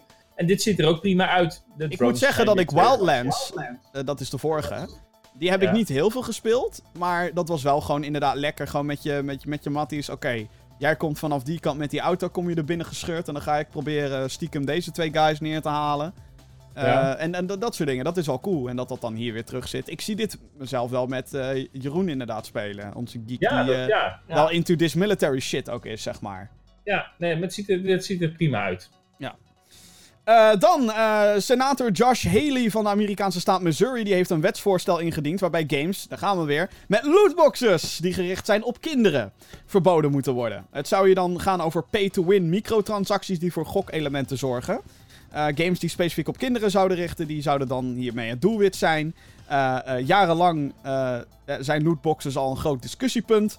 België en Nederland hebben de verkoop van digitale lootboxes het hardste aangepakt tot dusver. Steeds meer games schakelen de functie hier uit. Zoals Rocket League, geen lootboxes kan je meer kopen. Overwatch, kan je geen lootboxes meer kopen. Je kan ze nog wel verdienen in de game, maar je kan ze niet meer kopen. Dus ja, nu gaat Amerika ook eh, actie ondernemen tegen deze dingen. Mooi toch? Ja, ik vind het mooi. Wegwezen met die teringzooi. Ja. Zeker als het inderdaad pay-to-win is. En dat vind ik met FIFA. FIFA is het voorbeeld. We hadden het er net al over. Dat is pay-to-win. Wil je Ronaldo? Steek maar 100 euro erin. En dan heb je de kans, is dan natuurlijk 10.000 keer groter, dat je dan Ronaldo krijgt. In plaats van dat je gewoon gaat spelen Ja. en het verdient. Maar er zit hier wel weer een kanttekening aan dit verhaal. Want wat je dan natuurlijk nu gaat krijgen. Specifiek gericht op kinderen. Precies, Ja. exactly. Dus wat je nu straks gaat krijgen is dat die games die worden straks alsnog verkocht. En dan is eh, bij wijze van spreken is je Fortnite is 16 plus. Want die kinderen halen dat toch wel. Allemaal als voorbeeld eventjes te geven. Ja, ja, dat ja, ja, ja, in Fortnite zitten. Maar eh, dus dan, gaat, dan wordt het gewoon op een andere manier. Oké, doen we het naar de volwassenen. Dan koopt papa het spel. En dan zitten die lootboxes er nog steeds in. Nou, Maar ik- dan- eh, dit betekent inderdaad dat Call of Duty er gewoon mee weg kan komen als ze dat weer willen doen. Ja. En eh, Star Wars dan ook. Want Star Wars is... Battlefront ook, ja. En, precies. maar FIFA dan net niet, denk ik. Want dat, dat zal Ja, denk wel. ik die... Nee joh, dat Oh. zal... Ze gaan niet ineens... gewe- ze- Hoe kunnen zij FIFA, zeg maar, maken... Dat, dat de ratingboard ineens zegt... Nee, maar dit is voor 16 jaar en ouder. Heb je wel eens gezien als een eh, speler wordt getackled? Hoe erg de kans is dat zijn been breekt? Dat, wo- dat wordt nu, dat wordt de nieuwe graphic. Fuck die bal, we gaan nu bot, botsplinteringen en dat soort Ze merken. halen ze de studio van Mortal Kombat halen ze erbij. Om de ja, slidings... wil gewoon eh, een rift eruit halen en zo. Eh, ja, ik, nou, nee, maar ehm, volgens mij is het ook zo dat als ze dan dit soort shit erin zouden doen, dat je, dan, dat je game dan ineens adult-only wordt. En dan gaat inderdaad Ja. van kracht. Wat Vincent net zei, dan is het gewoon papi of mami koopt het spel en eh, klaar. Ja. En volwassen mensen die denken dan alsnog, oh fuck it, ik koop het wel. Maar ik koop geen lootboxes hoor. Ja, maar zou, misschien staat er dan zo'n kanttekening op de achterkant. wegens de, de aanwezigheid van eh, lootboxes. eh, eh, Mhm. voor, eh, vanaf die leeftijd. Adult-only, ja. Ja. Maar dan gaan alle bedrijven gaan zich daar natuurlijk, of als dan zeker EA en dat soort eh, mensen. Tuurlijk, want als iedereen gaat, je moet je met z'n allen. Als we gaan, dan gaan we met z'n allen. Dus dan. Ja, maar die gaan hevig protesteren bedoel ik. Die gaan hier Ja, die gaan tegenin. protesteren. Maar stel dat ze meegaan, dan nog. Als je gaat, dan ga je met z'n allen. Dan ga je met z'n allen ga je die games voor die adults. Nou, oh, fuck die 16-jarige maar. Dan koopt papa het van 18. eh kopen we het als je 18 Papa bent. We van weten toch 18. dat je het gaat spelen. Ja, je snapt wat ik bedoel. Maar je weet toch dat ze het gaan spelen. Ja, Ze tuurlijk. weten toch dat ze gaan spelen. Want het zit in hun systeem. Als je je hele leven lang FIFA hebt gespeeld en bent opgegroeid met FIFA en het wordt in één keer 18 plus, dan ga je dat spel toch wel halen. Ja, dat klopt. Voor nieuwe games zal dat wat lastiger zijn. Nou ja, gewoon bestaande kappen, games die gaan kappen met die lootbox bullshit, zeg ik. Ja, dat zou het beste zijn, maar dat gaan ze ook niet doen. Nee, dat is waar. Levert te veel geld op. Dus mensen, Ja. kappen met het kopen van die dingen. Godsamme. Eh, dan, eh Two Point Studios, die wordt overgenomen door Sega. De ja, Sega. Eh, de ontwikkelaar staat voornamelijk bekend om de game Two Point Hospital, die als spiritueel vervolg dient voor Theme Hospital. Tycoon game waarbij je een ziekenhuis beheert met komische elementen, dus er gebeuren allemaal gekke dingen daar. Sega heeft bij de aanschaf gezegd dat er meerdere spannende projecten in ontwikkeling zijn. Het is dus afwachten waar ze mee gaan komen. Jij had hier nog nooit van gehoord, hè, van deze game. Nee. Nee? Wel, van, eh, wel van Team Park eh, Hospital. Team Hospital, ja. Ik wist dus niet dat de Two Point Hospital. Ik wist niet dat daar, ik wist niet dat daar een, eh, een, ja, een opvolger van eh, is gekomen. Ja, deze wordt ook best wel goed ontvangen, deze game. Leek Ja. mij ook heel erg leuk eigenlijk. Het ziet Ja. er ook, maar ik was sowieso altijd echt verslaafd aan Team Park Hospital. Theme eh, nee, nu haal je twee dingen door elkaar. Office, come to office. Wat zei je? Sorry? Ja, je zegt nu Theme Park Hospital, maar dat zijn twee games die nu door elkaar... eh, zou een leuke fusie zijn Sorry, overigens, wat is maar- het? Team Park, wat is het? eh, hospital, weet je Team- dat? Team Hospital. was het. Ja. Sorry, Team Hospital. Ja. Nou ja, maar dat was echt, daar, was ik, daar was ik echt nou, verslaafd aan, dat is een groot woord. Maar zeker toen ik voor het eerst een relatie had met Evelien, toen hebben we dat ook heel veel gespeeld. Want zij, zij was ook hartstikke fan van dat spel vroeger. Dus dat hebben we regelmatig eh, door de jaren heen nog wel gespeeld. Ja. Maar ik wist niet dat daar een opvolger van was. Dus ik had echt zoiets van, wat? Toen jij dat ook liet zien, dat bericht, en dacht ik, yes, er, is een, er komt een opvolger. En toen zag ik dat hij al in 2018 uit was eh, gekomen. Ja, ja die, is al, die is er al een tijdje. Ja, die studio dus overgenomen en ze gaan nog meer mooie dingen maken. Het zou me niks verbazen als daar ook een two-point theme park ding uitkomt. Zo van, ja jongens, Ja. we gaan, eh, gaan knallen met z'n Ja. allen. En als de fans het er niet mee eens zijn, dan past de Sega het wel aan. Sega! Ja, inderdaad. Alhoewel, dat ja, hadden ze eigenlijk eerder moeten doen, hè? Ja. Dat was een referentie naar Sonic trouwens. Niet dat Sega daar iets mee te maken heeft, want dat is een filmmaatschappij, de filmmaatschappij heeft Sonic verneukt in de, in de filmdesign. Maar goed, whatever. Eh, ja, we gaan knallen. Eh, knallen, want QuakeCon die komt voor het eerst naar Europa. Het jaarlijkse evenement wordt altijd georganiseerd in Texas, Amerika. Eh, die editie gaat ook gewoon door overigens dit jaar. Eh, maar een extra editie komt er naar Londen. Ehm, of dat dan technisch nog wel Europa is, eer dat het zover is, Brexit, bla bla bla. In ieder geval is QuakeCon een evenement waarbij games door uitgever Bethesda centraal staan. Games zoals Elder Scrolls Online, Quake Champions en de aankomende Wolfenstein spin-off Youngblood, die zullen daar te zien zijn in wat voor vorm dan ook. Een uniek selling point van dit evenement is dat de nieuwe Doom Eternal speelbaar zal zijn. Oh my god, hype. Het evenement heeft twee dagen. Eentje is een exclusieve previewdag op vrijdag 26 juli. Oftewel pers, influencers en dat soort dingen. En op zaterdag 27 juli is de toegang gratis voor het publiek. Dus als je dan toevallig daar ergens bent. Ik had bijna al een vliegticket besteld. Echt waar? Ja, nee, ik, eh, nou ik heb inmiddels contact met Bethesda. En nou goed, ik weet niet hoeveel persplekken er zijn en zo. We zijn natuurlijk een hele kleine partij, eh, dat soort dingen. Ehm, maar als ik daar inderdaad eh, Doom Eternal kan spelen, dan wil ik inderdaad wel een keertje weekendje Londen doen. Ik, wil, ik ben ook nog nooit in Londen geweest. Wat? Hoe de fuck Echt dan? niet? Nee, daarom. Ik wil een keer naar fucking Engeland. En als ik daar dan Doom Eternal kan spelen, nou, dat is het beste, beste excuus wat je kan hebben, denk ik. Voor mij dan. Ja. Ja. Hype. Doom Eternal, Ja, is leuk Engeland. Ja, ik vind van wel. Ik, eh, eh, maar ik vind het ook tof dat ze dit soort evenementen nu doen. Dat ik Ja. Oké, cool. Ehm, Even een andere vraag. ja. He- hebben we eigenlijk überhaupt nog ooit iets gehoord over Dreamhack, wat naar Rotterdam zou gaan? geen, nee, nooit meer wat van. Ik weet niet wat daar mee. Het zou in oktober zou dat moeten plaatsvinden. DreamHack Rotterdam. Ja. In Ahoy, maar Niks, hè? nee, helemaal niks. Nee, Langzame stille dood gaat het tegemoet. ik denk het wel, ja. ja. Ik weet ook niet wat daar aan de hand is, maar ja, het zal wel. Ehm, vorige week, dit is wel geinig dit. Eh, vorige week hadden wij, eh, hadden wij het onder andere over videogamefilms. Hè, Sonic had het gebeuren. En toen kregen wij de vraag, welke film zou jij een game van willen zien? Toen zei ik, waarom is er nog geen game over John Wick? En Dat nou, klopt, dat zei je. deze week, voilà, een, eh, een John Wick game aangekondigd. Het eh, gaat heten John Wick Hex, H-E-X. En dat is een game waarbij je de bewegingen van de huurmoordenaar, John Wick natuurlijk, ehm, moet inplannen voordat deze uitgevoerd worden. Ehm, de studio eh, achter Mike Biffle maakt de game. Hij staat bekend voor indie hits zoals Thomas Was Alone en Volume. Ja. Ja, dat is het eigenlijk. Het ziet er heel cel-shaded uit. Het is niet echt wat ik per se wilde van een John Wick game, om heel eerlijk Nee, te zijn. nee. Maar ja, het is wel geinig dat ze dan in ieder geval iets doen. De derde eh, film komt trouwens deze week in de bios. Ik heb dit weekend eindelijk de eerste gezien. Nou, een goede even snel film. die eh, tweede nog kijken. Ja, ja, die tweede heb ik inmiddels al op maar de schijf staan, dus dat komt helemaal goed.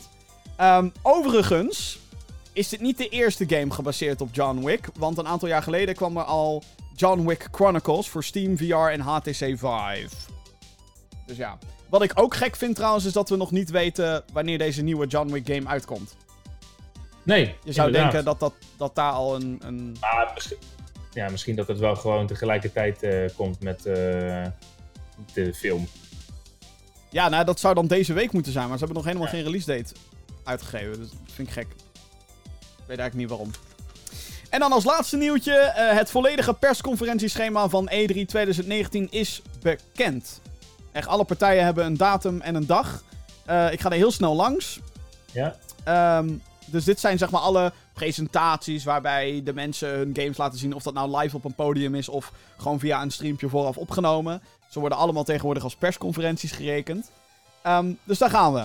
Op zondag 9 juni om 10 uur. Xbox slash Microsoft. Dat worden grote. Dan, die nacht daarop om half 2 s'nachts.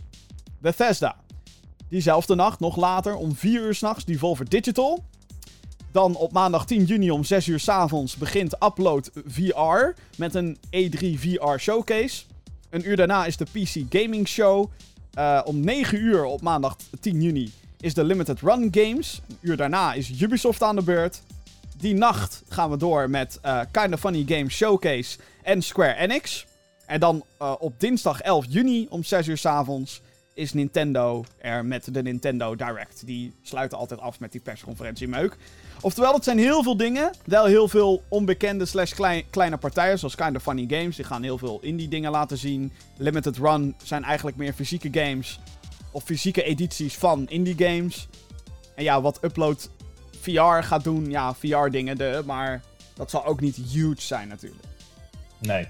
Dus het is een beetje een, een, een, balans. Iedereen kan nu zeggen, oh, we doen ook een persconferentie. Ja, Wat iedereen ik dan... kan een livestream aanmaken tegenwoordig. Ja. Wij ook. Dus bij deze, de Gamer Geeks E3 persconferentie. Nee, we gaan hopelijk wel weer streamen tijdens de E3. Uh, de exacte planning die gaan wij volgende week bepalen. Letterlijk. Dus dat uh, wordt heel spannend. Maar uh, ja, hou daarvoor E3, of E3, GamerGeeks.nl in de gaten voor meer. Ik heb er wel weer zin in, dat wel. Ja. Ja. Ja. Als ik, de, als ik deze line-up zo zie, dan word ik hyped. Ik mis dan wel Het komt alleen maar omdat Sony er niet is. Ja, maar dat verziekt heel veel. ja. Dat serieuze hoofd. ja, dat verziekt Sony, heel veel. je verziekt de E3. Ja, als ik dit dan zo zie en dan uh, limited run games, kind of funny. Wauw. Wow. Wow. niks mee. Ja, dus, ja ik, vind het echt, ik vind het echt een gemis. Okay. uh, het, het, E3 is klaar. Wauw. Ja, nou ja, het is, ja... EA doet ook geen persconferentie, maar die doet al een paar jaar... Zijn ze officieel niet bij E3, maar doen ze EA Play. Ze gaan natuurlijk wel dingen laten zien en zo, maar... Ja. Jammer dat ze toch geen showcase hebben met Andrew Wilson. Hello, I'm Andrew Wilson. And we're gonna introduce more loot boxes to you. Ja, wat gaat Bethesda laten zien? Uh, Doom, Eternal. Oh ja. Elder Scrolls Online Expansion nummer 14, denk ik. Ja. Um, ik denk een nieuwe Evil Within. Oké. Okay. En misschien Wolfenstein 3, maar ja, Dishonored 3 zou ook nog kunnen natuurlijk. Prey 2, iets nieuws, vraagteken zou toch ook wel weer fijn zijn als ze met een nieuw ding komen waarvan mensen denken: oh shit. Uh. Of een franchise waarvan we nu niet weten dat hun het hebben. Ja, maar dan ook weer terugbrengen. Maar ja, eh, ik bedoel, we weten dat Starfield komt niet en Elder Scrolls 6 ook niet. Fallout 76 gaan ze denk ik kapot zwijgen. Dat is gewoon... Ja, dat denk ik ook. Nooit gebeurd! Geen idee waar je het over hebt. dat Misschien dat ze een joke maken over zichzelf. Ja. It just works. 16 times the detail. Ja. Dat soort bullshit, denk ik. Misschien dat ze daar nog een joke over maken, maar ik weet niet of dat verstandig is vanuit hun uh, positie. Want ja, Fallout 76 is toch wel echt het grootste drama wat gewoon het bedrijf ooit heeft gehad. Ja. Ik heb van de week ook gewoon... Jordi heeft mij daarvoor behoed. Voor Fallout 76. Nou, ik, ik heb die beta... Wij hebben die beta nog zitten spelen. Toen zaten we al van, what the fuck is dit? Verschrikkelijk. Ik heb serieus... Jordi al drie weken daarvoor, ik ga hem niet kopen, Vin. Hij wordt slecht. Ik, ik heb van de week ook een, serieus een video van drie uur lang gezien... waarin iemand alleen maar glitches liet zien in die game. Drie uur lang aan glitches. Uh, volgens mij is dat dezelfde gast die uh, daar uh, een uur durende soort van documentaire over heeft gemaakt. Ja, het is echt het is heel mooi. Prachtig om te zien wat er allemaal fout is. Het is echt al, alles wat er fout kon gaan en fout kan gaan bij die game. Of het nou de marketing is, of de ontwikkeling, of het idee erachter. Alles is daar fout gegaan. Het is echt... Uh... En nog steeds zijn er fanboys die het verdedigen. En dat vind ik zo fucking grappig. Wegwezen. Wegwezen met die meuk. Gaan we naar de mailbox. Podcast.gaminggeeks.nl. Dat is het mailadres waar jij de hele week je commentaar dan wel vragen kwijt kan. Of alles wat er tussenin ligt natuurlijk. Uh, allereerst, dag Gamergeeks. Een mailtje van Mark. Ik ben zo'n debiel. Nou, jongen, het is toch ook allemaal niet nodig om dat meteen zelf zo... Ik ben zo'n debiel die drie jaar geleden overgehaald is door zijn vrienden om een Xbox te halen in plaats van een PlayStation 4. Lekkere vrienden heb jij. Ja, dat uh, zijn de beste vrienden die ik maar kan hebben. Ja. Ja, ja ik, ik snap het inderdaad ook. Nou ja, goed. Weet je, het is niet alsof de Xbox een slecht... Alsof er geen goede games op zijn. PlayStation heeft alleen meer goede games. Ja. Hmm. Je hebt er wat minder aan, dus het is beter voor je energie. Het is alleen wel zo dat als je de. Het is alleen wel zo dat als je de beste 4K-ervaring op dit moment wil. voor de Ja. third-party games, dan is de Xbox One X wel echt een Als veel je betere... de Xbox X hebt. Ja, dat zeg ik. Dan is de Xbox One X een veel betere keuze dan de PlayStation 4 Pro. Ja, je was er drie jaar geleden nog niet. Dat denk ik ook niet. Dat Al wel? Nee, dat is vorig jaar of zo toch pas. Twee jaar geleden, denk ik. 2017, 16? Hmm, ik Dus niet toen waren ze vrienden al slecht. Maar de PlayStation 4 Pro kwam ook een jaar eerder dan de Xbox One X, whatever. Anyway, Ja, nu wist ik niet zo goed wat ik eh, moest spelen. En heb ik dus een mooie deal. Xbox Game Pass, zes maandjes binnengehengeld. Nu is mijn vraag, wat moet ik spelen? Voor degene die het niet weet, Xbox Game Pass is een abonnementsdienst. Kost een tientje per maand. Is echt wel een hele goede deal. En dan kan je iets van 250 games kan je downloaden en spelen. Een soort van Netflix, maar dan niet streaming, maar dat je gewoon downloaden en spelen. Je hebt gewoon toegang tot een hele library. En hoe Eh, zit het dan na die zes maanden? Nou, dan moet je weer... Dan moet je dat abonnement verlengen, anders wordt je toegang tot die spellen ook meteen Net afgekapt. zoals jouw PlayStation Plus spelletjes. Ja, als je Ja. dat... Elke maand, Ja. die twee. Maar zodra je geen PlayStation Plus meer hebt, dan is dat allemaal... Echt waar? eh, dan mag- kan je niet meer spelen. Als je, wacht even, je PlayStation Plus games verdwijnen ook als Ja. je stopt met... Wat? Ja, Groundbreaking, shockend. ja. dus speel Ja. je maar. ja. En als je dan weer een abonnement daarna neemt, Dan heb je ze weer. wel weer alles eh, tot je bereik, be- bereik, bereik, bereik, bereik. Motherfuckers. Ja, maar Maar- zo werkt de abonnementsdienst toch? Ik bedoel, ja goed. Ik vind het ergens logisch, maar whatever. Als bij jij bij, bij, bij geen X... Netflix neemt, dan vind ik het niet raar dat je geen Netflix-film kan kijken. Ja. Nee, dat snap ik op zich wel. Maar die... Laat maar. Ja. eh, eh, die, Ik, ik leef met je. Dank Nee. je. Neem een slok koffie en het komt ik, allemaal hij goed. is al op. Ik vind wel dat het principe achter PlayStation Plus anders is dan een Xbox Game Pass. Maar Ja, dat ben ik. ook. Maar oké. Anyway, wat De moet vraag. ik... De vraag, hè, dank je. Wat moet ik spelen? Just Cause 4, Shadow of the Tomb Raider, Metro, Gears of War. Er is zoveel. En nee, Jesper, als je er deze podcast bij bent, ik ga geen Sea of Thieves spelen. Ja, eh, dan is mijn vraag, waar hou je van? Wat vind je leuk? Want er staan 250 fucking games staan er. Er zal vast wel iets tussen zitten wat je leuk vindt. Alleen dan moet je een beetje kijken in je, wat in jouw Als je straatje goede past. vrienden hebt, dan zou ik Sea of Thieves spelen. Ja, meen je die serieus? Als ik, als ik leuke vrienden zou hebben die het mee zouden spelen. Ja, ik, eh, er is nu weer een of andere update eh, DLC die er gaat aankomen. Het ziet er, het ziet er uit. uit. Maar het is net wel over een jaar of twee is de game pas leuk. Dan is er wat. Nu, Het afgelopen jaar was er gewoon geen fuck. Ja. Maar het ziet er wel eh, heel leuk uit. Het is beter dan eh, Just Cause 4, wat het eh, rehash is van eh, deel 3 en wat ook kut was. Maar het is inderdaad, de- vraag is inderdaad, gaat hij met die vrienden spelen of niet? Ja, Ik zit, nu, ik zit nu naar de lijst te kijken. Eh, ik zie dat de gehele Bioshock trilogy erop staat. Eh, Doom spelen. staat erop. Doom 2016, ja hoor. Spelen die handel. Rocket Eh, League. Elder Scrolls Online, oké. oh ja, die moet je spelen. Fallout 3 en 4, nou. Ben je ook wel, Ja, dat zijn de goede Fallout. Fallouts. Alle Gears of War games. Halo, de Master Chief Collection. Sowieso Halo. Daar gaat je, daar gaat je tijd. Ja, Ehm, ik zit eh, er heel snel... Als je van horror houdt, Layers of Fear. Moet ik ook nog steeds uitspelen. De tweede komt trouwens eind deze maand uit. What the fuck? Eh, Metro is sowieso heel goed. De eerste twee. Middle-earth. Shadow... Wat, welke? Hellblade. Hellblade is heel goed. Staat hij ook op Xbox Game Pass, ja? Holy shit. Eh Middle-earth Shadow of Mordor is heel goed. Ja, er staan echt heel veel goede games op. Maar je moet gewoon kijken wat je leuk vindt. Maar dat is niet verkeerd. Resident Evil, Resident Evil Zero. Nou, dat is niet slecht. Tomb Raider inderdaad. Wauw. Er staan echt heel veel goede games op. Er heel veel op. Echt heel veel. Ja, nou ja, het is, het is ook gewoon een hele goede deal. Ik bedoel, 10 euro per maand. Voor al dit. Maar Life is Strange staat erop. Oh, echt waar? Ja. Oh my god. Ja, nee, er staan gewoon heel veel goede dingen op. daar maar mee. Ja, Life is Strange. We, we moesten een antwoord geven wat hij moest spelen. Ja, inderdaad. Life is Strange. Bioshock. Elder Scrolls Online. Wolfenstein The New Order. Halo. Halo Ja, eh, staat erop. Ja, maar ja, dat, dat, dat raadt ook niemand aan, helaas. Even, even eh, een dingetje.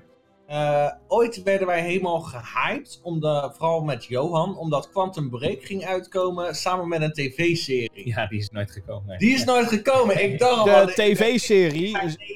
ik, moest iemand uitlachen. De maar- tv-serie zit in de game. Ja, het, zit, het is, Het dus is letterlijk, om, om het level kan jij 45 minuten lang naar mensen kijken die tegen elkaar praten. Ik dacht dus ook aanvankelijk dat het op tv zou zijn. Ja, Dat was, dat was ook het plan, maar dat ging natuurlijk gewoon niet door. Die, die, de ontwikkeling duurde te lang en het werd te Ja. duur en bla bla bla. En volgens mij is die serie, lees live-action cutscenes, zijn ook gewoon niet van een niveau dat je dat op zichzelf kan gaan uitzenden en dat mensen het dan kunnen volgen. En uh, uh, even doorgaan op dit mooie onderwerp wat ik heb aangesneden. Oh, Je had eh, een paar E3's terug. Was zeg maar de hype van Microsoft dat er zo'n spel was met zo'n hondje waar een core in zat of zo. Volgens mij heet het spel ook core. Recore is al lang uit. Ja, is al lang uit, maar eh, is dat de hype nagekomen? Volgens Nee. ik heb het nooit meer gezien na die E3. Nou nee, het, het is uitgekomen en eh, het is een spel die... Ik heb hem ook nog gespeeld zelfs, eh, op Gamescom. Was je blij mee? Nou, het is een game die eigenlijk een heel ouderwets design heeft. En dat vind je heel leuk. Of dat vind je echt compleet kut. Het heeft zeg maar een lock-on systeem. En je moet switchen tussen bepaalde type wapens om bepaalde vijanden uit te schakelen. Inmiddels is er wel een soort van Definitive Edition is er uit. Oké. Dus ja, dat, maar dat is het ook wel een beetje. Ja, maar dat vind ik dus echt heel leuk om. eh, eh, ik kijk ook heel vaak oude gamingmateriaal terug en zo voor al de nostalgie. En soms zijn wij zo gehyped eh, omdat dingen uitkomen. En dan kijk je gewoon vijf jaar later die terug en dat je denkt: wat is daarmee gebeurd? Ik wel, eh, Recore ook. Dat was echt een dingetje toen. Dat, dat ging echt. eh, nou, voor Xbox, dat was het nieuwe gedeelte. En je ziet er niks meer van terug. Ja, nee, maar de, game heeft ook niet goed verkocht. En dat, dat Nee. is gewoon dood eigenlijk. Dat moest een franchise worden, maar dat... eh, Ja, Maar ja als zo- je- dat, werd het ook echt gebracht van, nou, dit wordt echt, daarom gaan mensen een Xbox kopen. En Maar, om, maar, om, maar om meteen maar... Om meteen maar een, woord, een woordgrapje erbij te maken. Als je core niet goed genoeg is. dan kan je er ook geen hele franchise omheen bouwen. Dus dan, ja. ja. Ja, goed bezig. Goed, eh, dan hebben wij een mailtje van the one and only eh Helly. Eh, die heeft weer gemaild. Hallo Gamergeeks. Iedereen is nu de zomervakantie aan het inplannen. Eh, welke game gaan jullie spelen tijdens de zomervakantie? Groetjes van Helly. ik ben geen, Rustig. Ja? Ik ben geen zomervakantie aan het inplannen. Ik ook niet. maar de zomer is natuurlijk wel altijd zo'n aparte periode voor. Maar ik, ik krijg altijd de feeling, eh, als het extreem warm buiten is, om eh, eh, Black Flag te spelen van Assassin's Creed. Gewoon een Oh, beetje rondvaren. Die, die, die setting was zo perfect tropisch. Daar heb ik nostalgische herinneringen Ik heb altijd nostalgische herinneringen aan En, de, periodes in en de oh zomer. ja, buiten 30 graden, dan Lekker gaan wij binnen, eh, binnen deze spelen. Daisy. Ja, Ja. dat- je hebt ook wel een beetje dat hittegevoel als je naar dat eh, naar Ja, het landschap kijkt. Hebben jullie die überhaupt nog gespeeld? Want die is inmiddels uit. Oh, Daisy is klaar. Ja, hij, hij staat eh, in het downloadlijstje voor eh, de komende eh, twee jaar om een keer te spelen. Jezus. Ehm, als, het gaat om, als het gaat om de games die ik, eh nou, ik, ik... Ik ga waarschijnlijk alles inhalen wat ik nu nog aan het spelen ben. Want er is zoveel. En in de zomer komt er ook echt al het een en ander cool komt eruit. Eh Wolfenstein komt op 26 juli. Eh, Control komt in augustus. En dan zijn er nog meer dingen. Er komt eigenlijk best wel het een en ander uit. In de ja een zomer. trouwerij, een nieuwe documentaire, eh Gamescom. We hadden het over games. Gamescom. Ja. Zin in. heel veel uit. Daar, daar, daar, daar heb ik zin in. Dus ja, maar, maar ja, welke game gaan jullie spelen? Ik weet het nog niet. De game wel. genaamd Het Leven. Hè? The Live the Game. Live game. Goed, bedankt eh, voor, je, voor jullie mailtjes Ja, nee, allemaal. Ik, ik weet het nog niet. Ik weet het nog niet. Dan zijn we bijna aan het einde gekomen van deze aflevering van de Gaming De, Geeks de podcast. kerstvakantie weet ik wel. Dat is Life is Life is Strange. Woo! Twee. Dan, de. Ehm, ja, mocht je dit enigszins leuk vinden, deze show. Ik kan me niet bijna... Nou ja, grapje. Ehm, ik zou zeggen, ga naar gaminggeeks.nl. Dat is waar wij onze content maken. En waar wij helemaal blij mee zijn als je die dingetjes eh, bekijkt. Want we maken video's naast deze mooie podcast. Eh, zo staat er een review online van Metro Exodus en Dangerous Driving. Een Burnout rip-off die je absoluut niet moet gaan spelen. Spoilers. Ook nog recensies van Power Rangers Battle for the Grid, Anthem en Risk of Rain 2. En elke week houden we je ook op de hoogte van het laatste nieuws op GamingGeeks.nl. Dus ja, wat wil je eigenlijk nog meer? Weet ik niet. Wat komt er allemaal aan? Nou, spannende dingen. Rage 2 komt deze week uit. Holy shit. Drie keer raden wat ik heb gedaan. Een Collector's Edition besteld. Oh nee. Oh Jim, waar hou je dit geld vandaan? Eh, werk. en dingetjes. Kijk, met deze Gone beeldje. Ik ben er zo blij mee. Fantastisch. Mooi, hè? Ook te zien op GamingGeeks.nl trouwens. Een unboxing van dit. Kijk hem dan, dat is een speelgoed hoor. Yay. Yay. Ik ben zo blij. Die Dus hele, de- kast achter, jullie- ach- ach- de hele kast achter Jim, 10.000 euro. Minstens. Nou, ja, 10.000? Nee, dat is wel heel veel. Dat is wel echt heel Nou veel. ja, ik 10.000. bedoel met een aantal eh CD's. CD van jou. master eh, collecties, dan, dan kom je weer aardig ver. Ik, eh, ja, ik wil eigenlijk niet weten hoeveel er hier staat qua collect en hoeveel me dat allemaal gekost heeft. Dan word ik waarschijnlijk depressief. 200, 200. Dan stop ik er per direct mee. Weet ik al. die, die, die beeldjes zijn 30 eh, euro per stuk. ja, waarschijnlijk wel, ja. Ehm, dus dat. eh, ook nog reviews van One Finger Death Punch 2 en eh, Project Warlock komen eraan. En eh, we gaan ook volgende week waarschijnlijk de, onze E3-plannen bekendmaken. En dat is niet dat wij games gaan aankondigen of zo, maar we gaan wel de boel streamen. Zoals elk jaar een traditie is. Ja, ik ben al bezig met het decor. Ja, ja, ik zag inderdaad al een foto voorbij komen van een groot eh, een Ik wand. heb heel het theater leeg geplukt. Het komt allemaal hier in de studio te staan. Oh god. Nou, eh, die, die plannen kan je dus allemaal lezen op gaminggeeks.nl, inclusief al onze nieuwe content. Heren, wat een show. Bedankt weer. Graag gedaan, Jim. Dit was de Tot Gaming Geeks Jim. podcast nummer 83. Tot de volgende keer.